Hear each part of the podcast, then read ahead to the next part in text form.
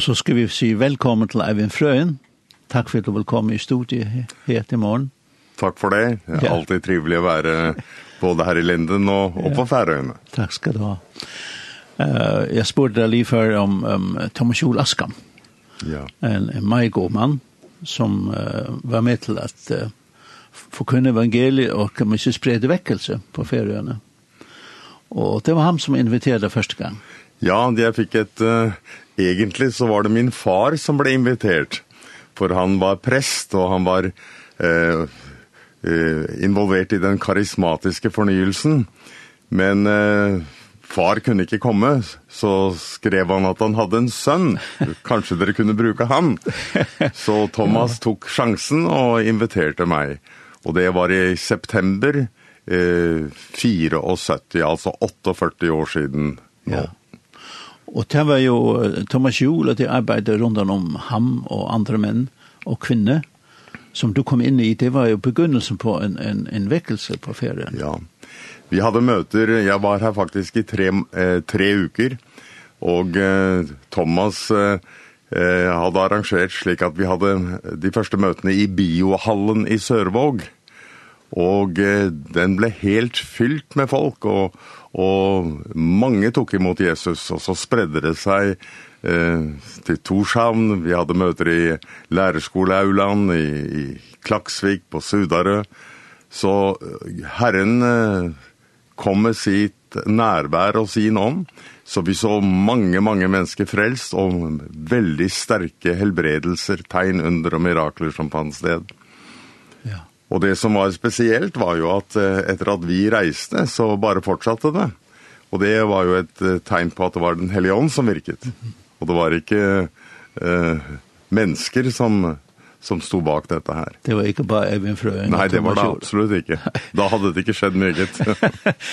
men, men det fikk vel også betydning for deg, at du opplevde det på ferien? Ja, og jeg må faktisk si at den vekkelsen vi så på Færøyene, jeg har ikke opplevd noe tilsvarende vekkelse i Europa senere. Så det var veldig spesielt. Det var hele bygdesamfunn som ble berørt.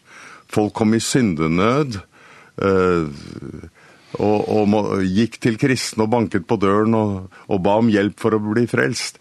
Så det var ett det var ett ett väldigt speciellt åndens vär. Det minnet meg faktisk litt om uh, vekkelsen på hebridene. Mm -hmm. uh, det var tilbake på 50-tallet, og da var det et redskap som Gud brukte som het Duncan Campbell. Og jeg hadde det privilegium å få lov til å møte han og høre han fortelle. Og, og det var nok enda kraftigere, det var, spredde seg enda videre, men, men det var noe av den samme som jag upplevde där på ferien. Ja.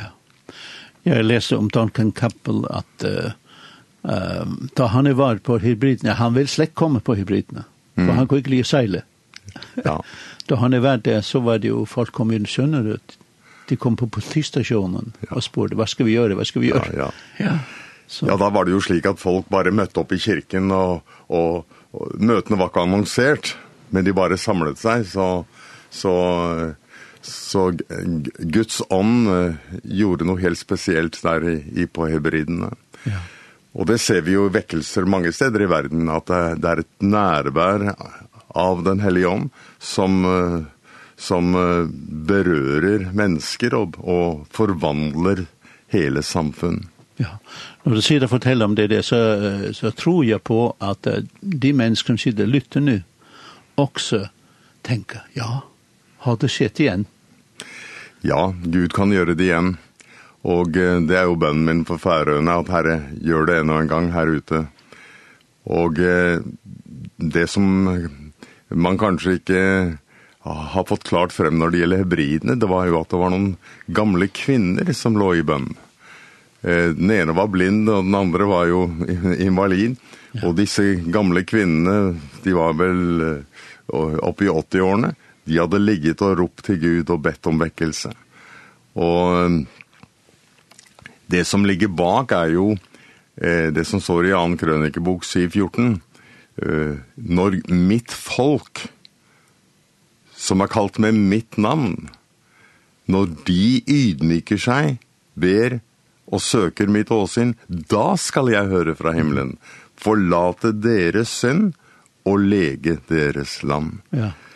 Det er ofte ikke nødvendig med så veldig mange, men det er alltid noen kristne som går i ydmykhet inn på Gud og roper til Gud, og så kommer vekkelsen som en, et svar på bønnen. Jeg leste at det var noen unge menn som kopplede på, de to gamle mm. søstre. Ja. ja. Og, og så skrev de et brev til Duncan, og han skrev tilbake, nei, har jeg ikke tid. Ja. Men de skriver tilbake, de skrev tilbake og sier, Lima, du sier du er her om 14 dager. Ja. ja. Det var, det var en sterk overbevisning. Ja. Jeg godt vil gjøre noe. Ja, faktisk så var det jo slik at uh, de, Gud talte til Duncan Campbell, han var på, satt på plattformen på en konferanse i England. Og Gud gjorde det klart for ham, du skal reise til hebridene nå. Og han argumenterte med Gud og sa, jeg kan jo ikke, jeg skal tale her om noen minutter. Og Gud sa, du skal reise nå. Og så sa han til de som hadde arrangert det, jeg er nødt til å gå nå. Og så dro han derifra, ja. rett til hebridene. Så han var en djerv mann. Ja. Jeg vet ikke om jeg hadde hatt mot til å gjøre det samme. nei, nei. Men du sa det, eller han refererade det, uh, John Peter, at frafall det kommer langsomt. Ja. Men vekkelse, Det kommer det plötsligt. Plötsligt, ja. ja. Och det ser vi i vekkelseshistorien. Bra frafall där som en kreft som långsamt ödelägger organismen. Men när det er vekkelse, så är det ett, ett det som man på engelsk kallar the suddenlies of God. Ja. Plutselig gjennombrudd. Ja. Och det, det dreier liksom samtalen in på det som jag syns vi ska snacka lite om, hvis du vill det, det är om Guds rike. Ja. För det där sker i menigheten i dag många städer. Man ser frafall, man ser skilsmisse, mm. uh, man ser såre mennesker uh, som kommer fra uh, knuste familier. De søker inn i kirken. Mm. Og, og, og er det hjelp å finne? Hva, hvordan er situasjonen? Forstår vi hva det er Jesus snakker om da vi ser Guds rik? Han snakker så mye om Guds rik. Mm. Nå, altså, jeg tror at... Um det er kanskje viktig å forstå dette med frafall litt bedre. Og jeg bruker et bilde. Hvis du tenker deg båter på åpent hav, det må jo være et bilde som færingene kan forstå. Hvis du tenker deg at du har mange båter, du har en folkekirkebåt, du har en brødrebåt, du har en, en pinsebåt, du har en metodistbåt. Alle menighetene har sin båt og så er de ute på havet. Og så driver de for vær og vind. Når de mister land av syne, da ser de ikke at de driver. Og da kan du sitte i en liten pinsebåt, og så kan du se at lenger ute så er det en folkekirkebåt, og så sier du, se hvor langt de har drevet. Men det du ikke forstår, er er at hvor de er i dag, vil du være i morgen. Og hvor du er i dag, var de i går. For vi driver for samme vær og vind. Og da kommer vi i den situasjonen hvor vi ser at i, i karismatiske pinsemenigheter så vil ungdom gjøre det som deres ikke-kristne besteforeldre aldri ville drømt om å gjøre. For vi flytter grenser hele tiden. Og eh, denne avkristningen legger vi ikke merke til selv. For vi har mistet land av syne. Og land var det for noe? Jo, det er sannheten i Guds ord. Og når vi vender oss fra sannheten og begynner å tolke det i alle mulige retninger, da har vi ikke lenger et ankerfeste, vi har ikke lenger et fast punkt som vi kan referere til. Og det er dette som skjer i våre samfunn i dag. Og da kommer vi in på detta som du snackar om med med med Guds rike. Och det har blivit väldigt väldigt levande för mig och och varit i många år. Eh och kanske speciellt spesielt fordi här reser i många land och reser i många olika riker och och ser eh fysiska realiteter som som som eh forklarer bibelske sannheter. Men går vi til Bibelen så ser vi jo at eh, mennesket falt i synd. Og eh, vi kaller det for syndefallet. Men det som mange ikke er klar over, det er jo at da mennesket falt i synd, da Adam og Eva falt i synd, så var det ikke bare det at de mistet fellesskapet med Gud, Det var ikke bare det at det ble fiendskap mellom menneske og Gud, og fiendskap mellom mennesker innbyrdes. Vi ser jo hvordan Kain drepte sin bror Abel. Men de ble borgere av et rike, et åndelig rike. Og, og det er det ikke så mange kristne som forstår. Men vi ser det jo klart i, i uh, Matteus 12, hvor Jesus har drevet ut en ond mann. Og så begynner fariseren og de skriftlære å argumentere – eh, ved hvilken kraft han gjør det. Og noen sier, å, det er ved Belzebul, den onde andes fyrste, at han driver de onde andre ut. Men da svarer Jesus dem og sier, det er absurd. For hvis djevelen driver djevelen ut, da har han kommet i strid med seg selv. Hvorledes kan da hans rike bli stående? Og her peker Jesus på at djevelen har et rike, et åndelig rike, hvor han er konge, og han fastlegger lovene. Og vi vet jo at et hvert rike så er det lover, Uh, og de kan variere fra rike til rike. Når jeg reiser i Asia, så må jeg passe på å, å uh, finne ut hvilke lover som er viktige, slik at ikke jeg bryter dem. Uh, og lovene i, i, i, i djevelens rike, det er jo lett å gjenkjenne. For de går på praktisk liv. Hvis du vil ha, så ta. Grafs til deg. Du kan jo snyte litt på skatten, da får du mer. Om ikke du arbeider svart, så kan du det minste arbeide grått. Litt lysegrått i hvert fall. Hvis noen slår deg på det ene kinn, slå igjen. Det har han fortjent. Hvis noen eh, er slemme mot deg, kutt de ut, avskjær fellesskapet med dem. Hvis noen sprer rykter om deg, å, jeg er sikker på at du kan finne negative ting å si om vedkommende også. Og jeg tror vi gjenkjenner disse tingene. Det er verdensrikets lover hvor djevelen er konge. Og hvis du spør kong djevel, hvordan skal jeg leve? Så sier han, gjør det du har lyst til. Mm. Din lykke Er viktigere enn andres lykke og Guds lykke.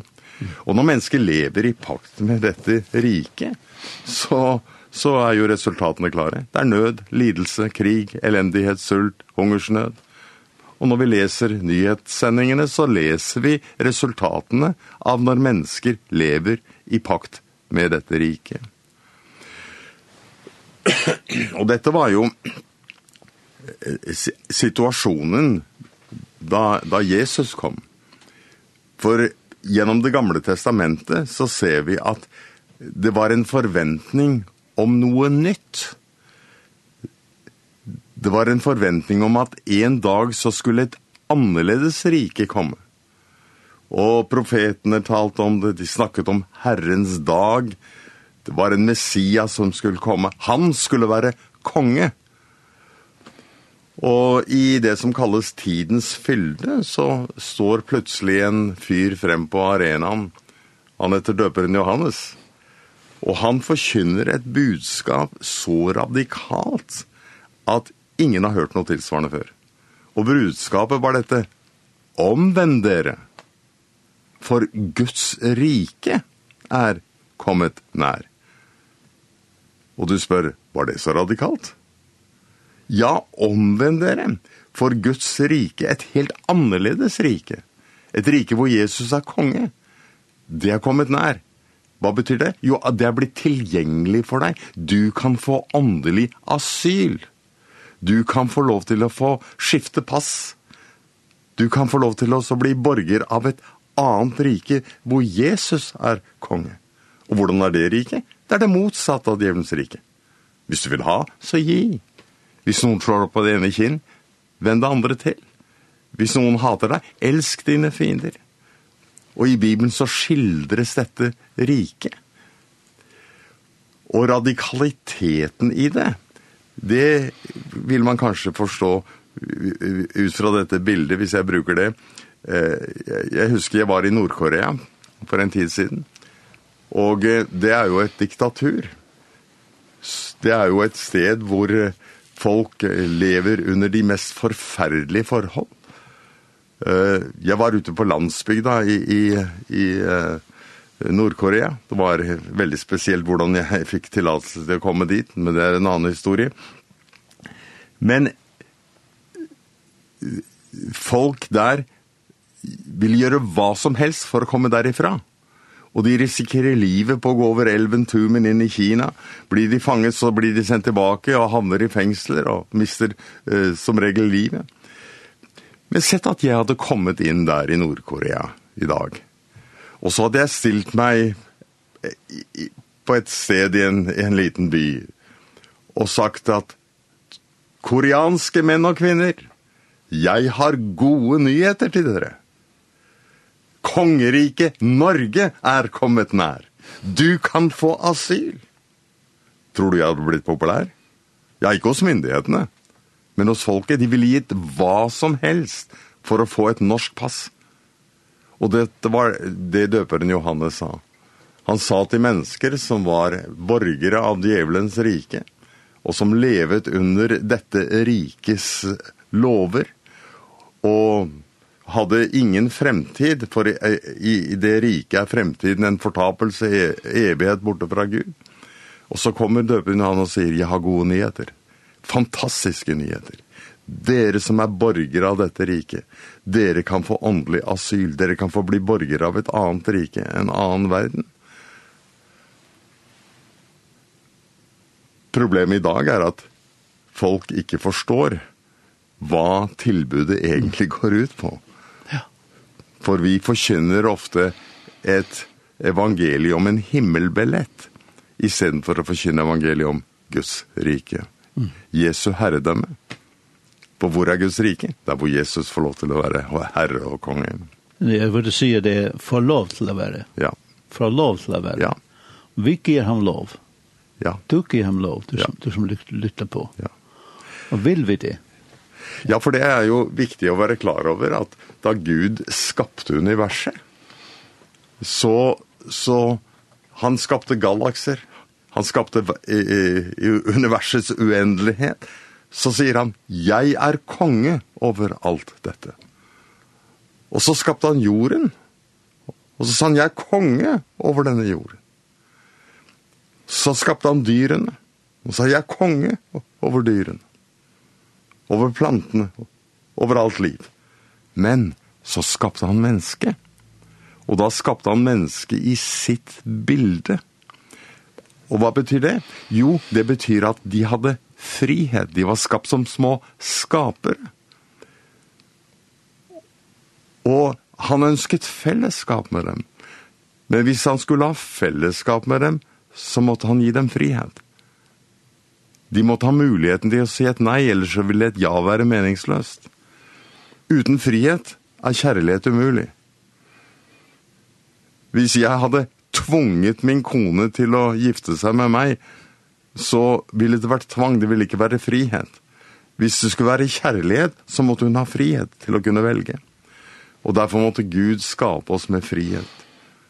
Og så si, jeg ønsker å ha fellesskap med dere. Jeg ønsker å ha et kjærlighetsforhold til dere. Men så må mennesket svare ja eller nei. Og da mennesket svarte nei, så ble de borgere av djevelens rike.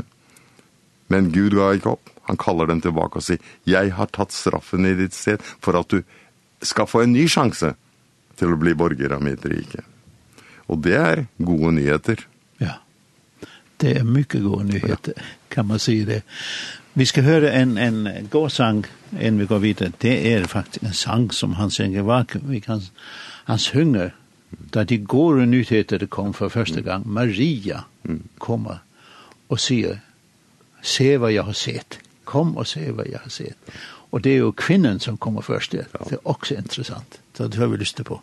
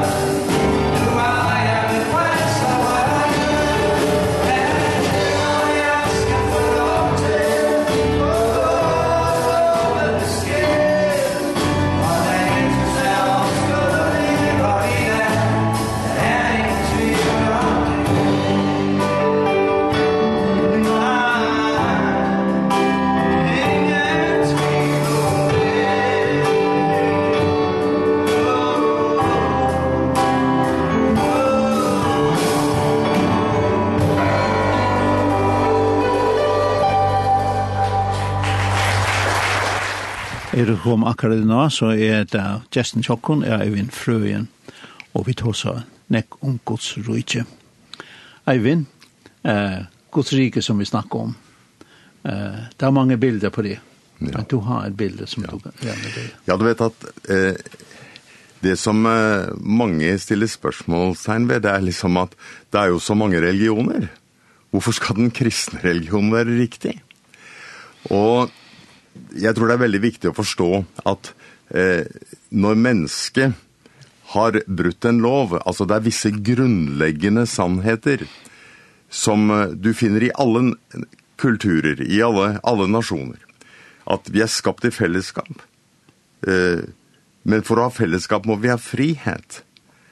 Men frihet, det er farlig. Tenk deg i trafikken. Hvis alle fikk lov til å kjøre akkurat sånn som de ville, så vil det bli kaos. Derfor må de ha trafikkregler. Du må ha lover for å hindre misbruk av frihet. Men hvis du har lover, så må det være en konsekvens hvis noen bryter loven. Eller så er det bare et råd du får. Så det må være en straff, en konsekvens. Og vi forstår veldig godt at dette er helt nødvendig. Og i alle samfunn, alle kulturer, så har du denne forståelsen. Og da kan man jo tenke seg at eh, hvordan reagerer man hvis konsekvensene ikke håndheves? Hvis du tenker for eksempel på Osama bin Laden da, som sto bak eh, dette angrepet på tvillingtårnet i, i Amerika. Og tenk deg situasjonen at han hadde blitt arrestert og, og blitt stilt for retten i Amerika.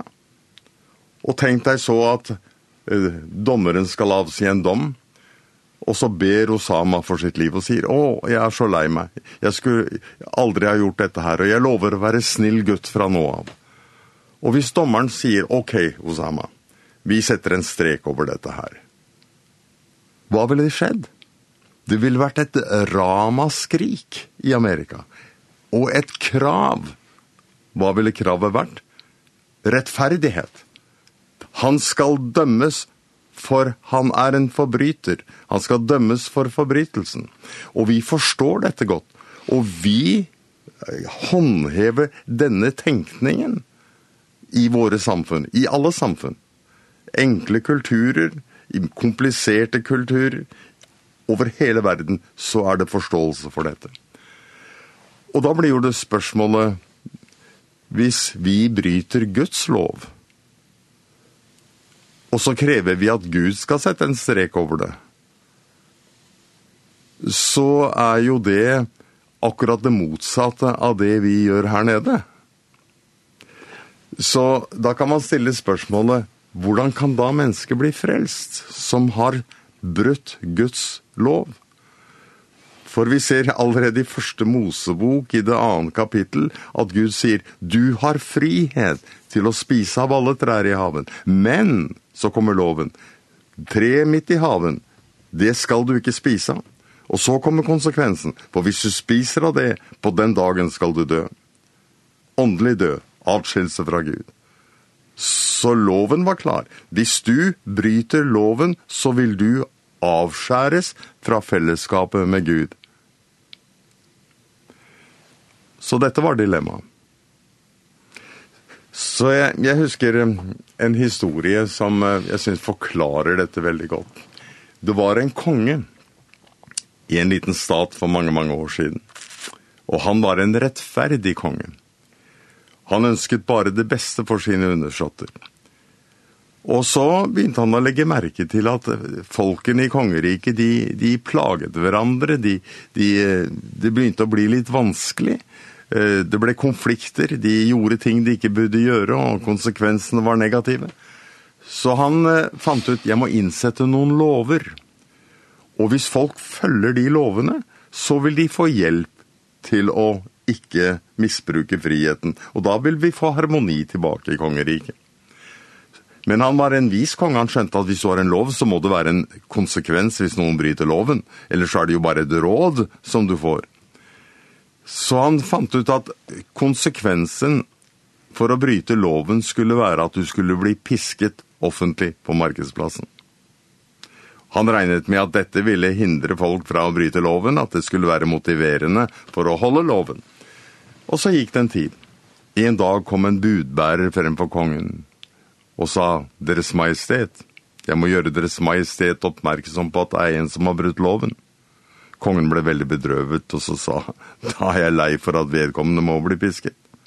Budbæreren ble veldig nervøs og trådde et skritt tilbake og sa, men deres majestet, jeg må gjøre deres majestet oppmerksom på at vedkommende som brøt loven er deres egen mor. Min mor, sa kongen. Hva skulle kongen gjøre? Hans første tanke var at vi, vi, vi bare glemmer det hele. Men han forstod at da ville han selv bryte loven.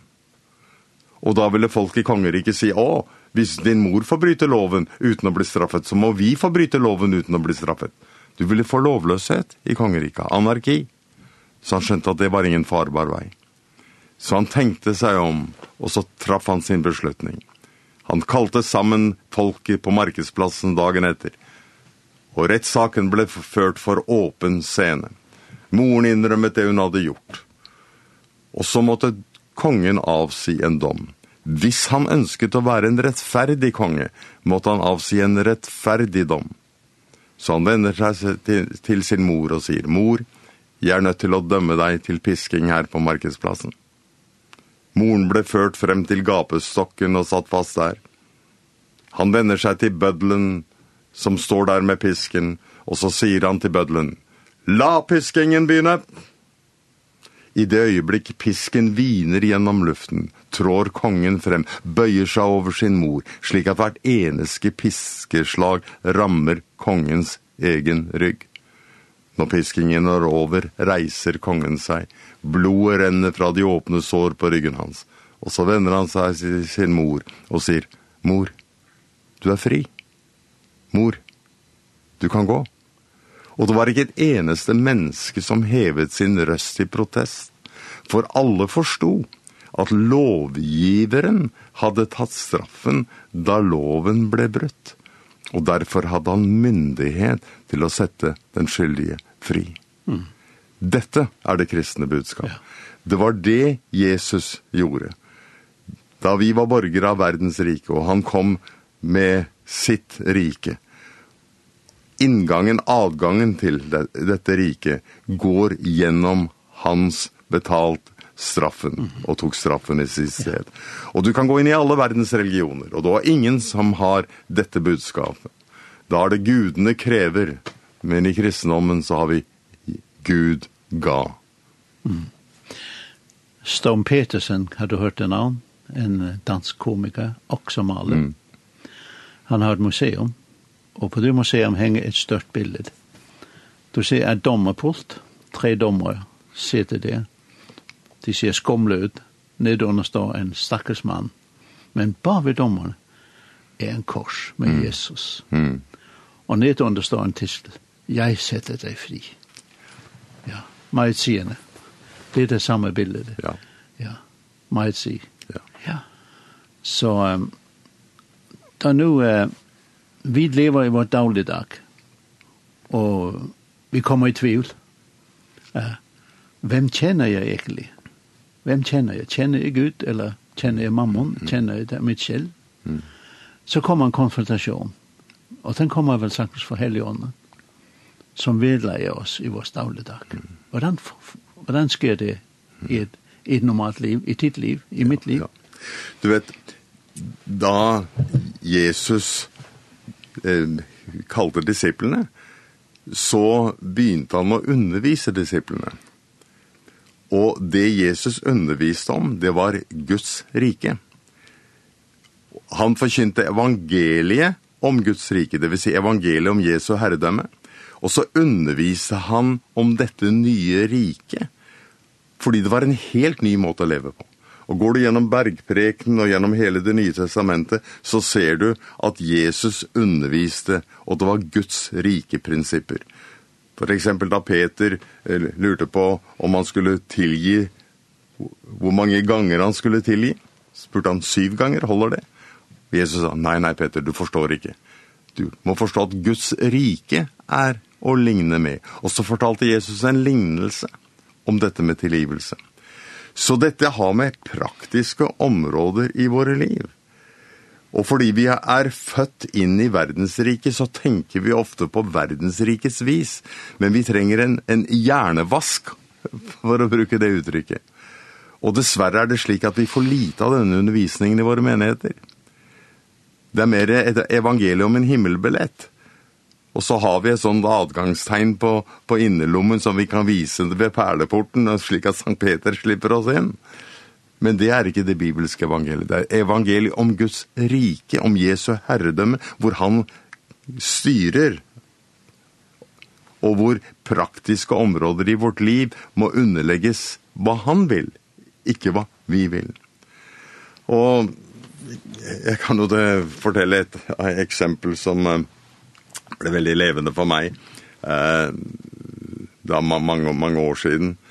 Eh, hvor jeg trengte noen materialer, og så var det en venn av meg som sa at eh, jeg kjenner en som har lastebil.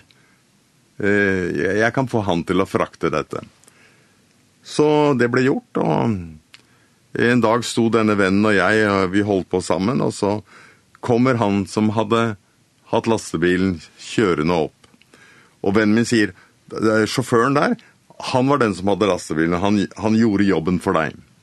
Så jeg går bort til bilen, og han sitter bak ratt, og tre andre kamerater er med han i bilen. Og så ruller han ned vinduet, og så spør jeg han, hvor mye skylder jeg deg for jobben du gjorde?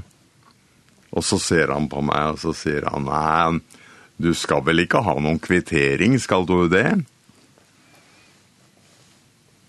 Hva slags situasjon er dette? Jo, det er en vanlig livssituasjon. Men eh, hva går denne situasjonen egentlig ut på? Jo, det er spørsmål for han drev firma, og han ville gjerne ha pengene direkte i sin egen lomme, i stedet for å la det gå gjennom regnskapet, for da slapp han å betale skatt. Så han sa, du skal vel ikke ha noen kvittering? For, for hvis du skal ha en kvittering, så vil det koste 1300 kroner. Men hvis du dropper kvitteringen, da skal du få det for 1100 kroner. Hva kalles denne situasjonen? Fristelse. 200 kroners fristelse. Jeg var ung, hadde lite penger. En 200 kroners fristelse var en stor fristelse. Men hvordan skulle jeg reagere? Hva er da normalt i en sånn situasjon? Jo, det er jo helt avhengig av hvilket rike jeg er en borger av. Hvis jeg er borger av verdensriket, så er det en måte å, å gjøre det på.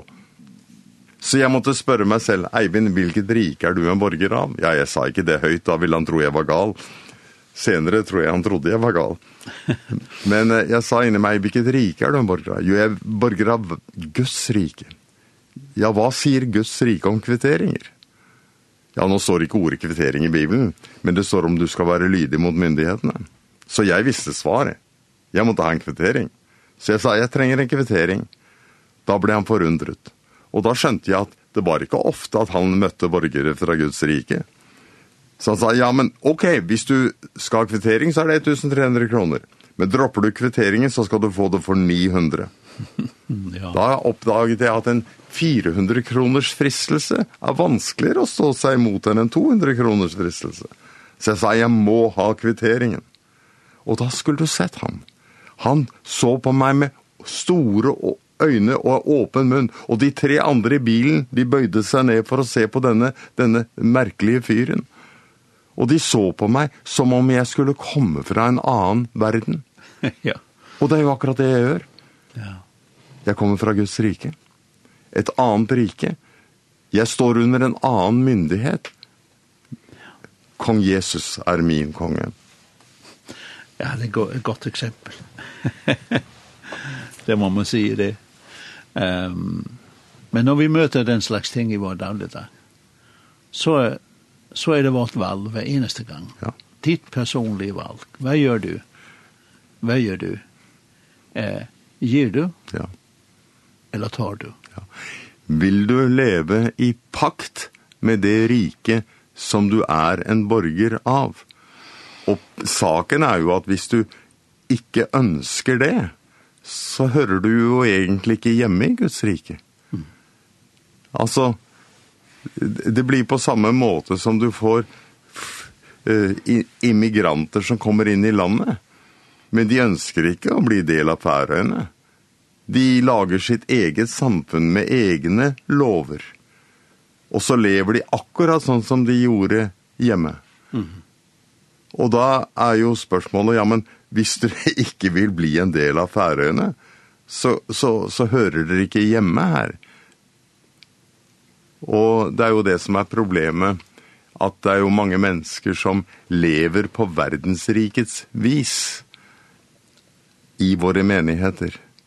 Men du kan ikke leve i konflikt med lovene i Guds rike i det lange løp og, og være en borger av Guds rike. Før eller senere så vil du gå tilbake. Og da kan du ha navn av å være kristen. Men åndelig så er du død. Mm. Den som sier det lytter nu på det her. Som, som sier, ja, jeg har mange ganger jeg bedt om kvittering. Mm. Og får rabatt. Mm. Hva gjør han nå? Det er omvendelse. For vi kan...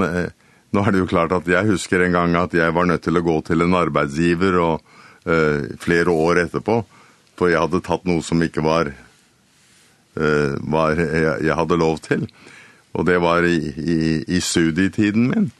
Og jeg måtte gå tilbake, for jeg, jeg visste hva jeg hadde tatt, og hvem jeg hadde tatt det fra, og måtte be, bekjenne det. Men så der hvor det er mulig, kan vi bekjenne på mennesker, og prøve å gjøre rett det vi har gjort galt. Men vi må alltid gå til Gud, for all synd er også synd mot Gud. Mm. Og det står i 1. Johannes 1, 9, Derf, dersom vi bekjenner våre synder, 1. Johannes 1.9. Dersom vi bekjenner våre synder, da er han trofast og rettferdig, som forlater oss syndene og renser oss fra all urettferdighet. Og det er et løfte som vi kan få lov til å ta til oss. Og det trenger vi alle sammen. Helt til sist, Eivind, um, de mange reiser her på feriene um, har velsignet mange mennesker. Men jeg vil sagt også velsigne deg. Ja, jeg, jeg, jeg opplever jo at jeg, jeg må si, og, og jeg må presisere, dette er ikke noe jeg sier alle steder. Nei. Men jeg har jo reist i mange land, og har jo i, i 35-40 år reist i Asia, og har brukt mye av min tid fra Kina i nord til Filippinene i sør, og uh, over det hele. Uh, men uh, Færøyene er det stedet hvor jeg gleder meg mest når jeg skal få reise til. Her, her kjenner jeg eh, en spesiell tilknytning. Og jeg lurer på om det har også med det som skjedde for 48 år siden, og selvfølgelig også mange vennskap og, og, og mye jeg har fått lov til å erfare. Jeg har opplevd Guds velsignelse her på, på færene på en veldig spesiell måte. Ja. Så her det gleder meg alltid når jeg får en invitasjon til å komme hit. Ja. Jeg tror altså mange ferier gleder seg når du skal komme ja. og, og få velsignelse av det som du deler ja. om ditt liv. Mm. Så takk for at du kom her i dag.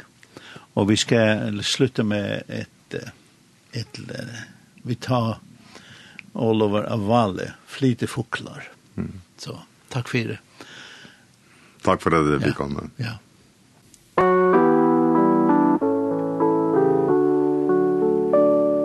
Ta sommar at testen noen lujor Til reier se fågloren ger At ljusare land honom bojar Her sommar og sol alt du er Tar vita ta vindar ner kalla At nu narskas narskast bra berar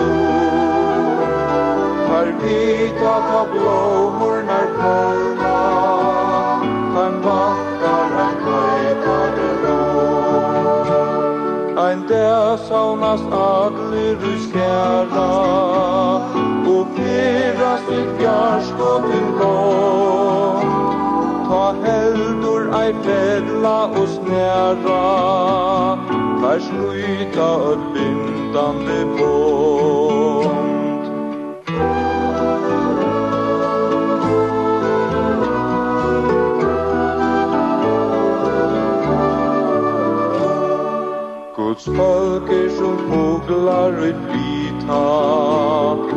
buja best til tarra fyr Taim langis til summarsens hita Bui landi her god tarra er.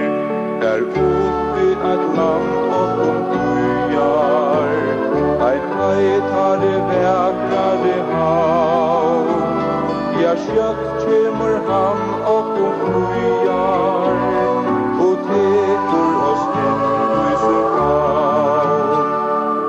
der salmast öll ui ein skæra og fyrast til bjarsk og til gong fra sorg og fra strui tei færa og lendra av solljós og strål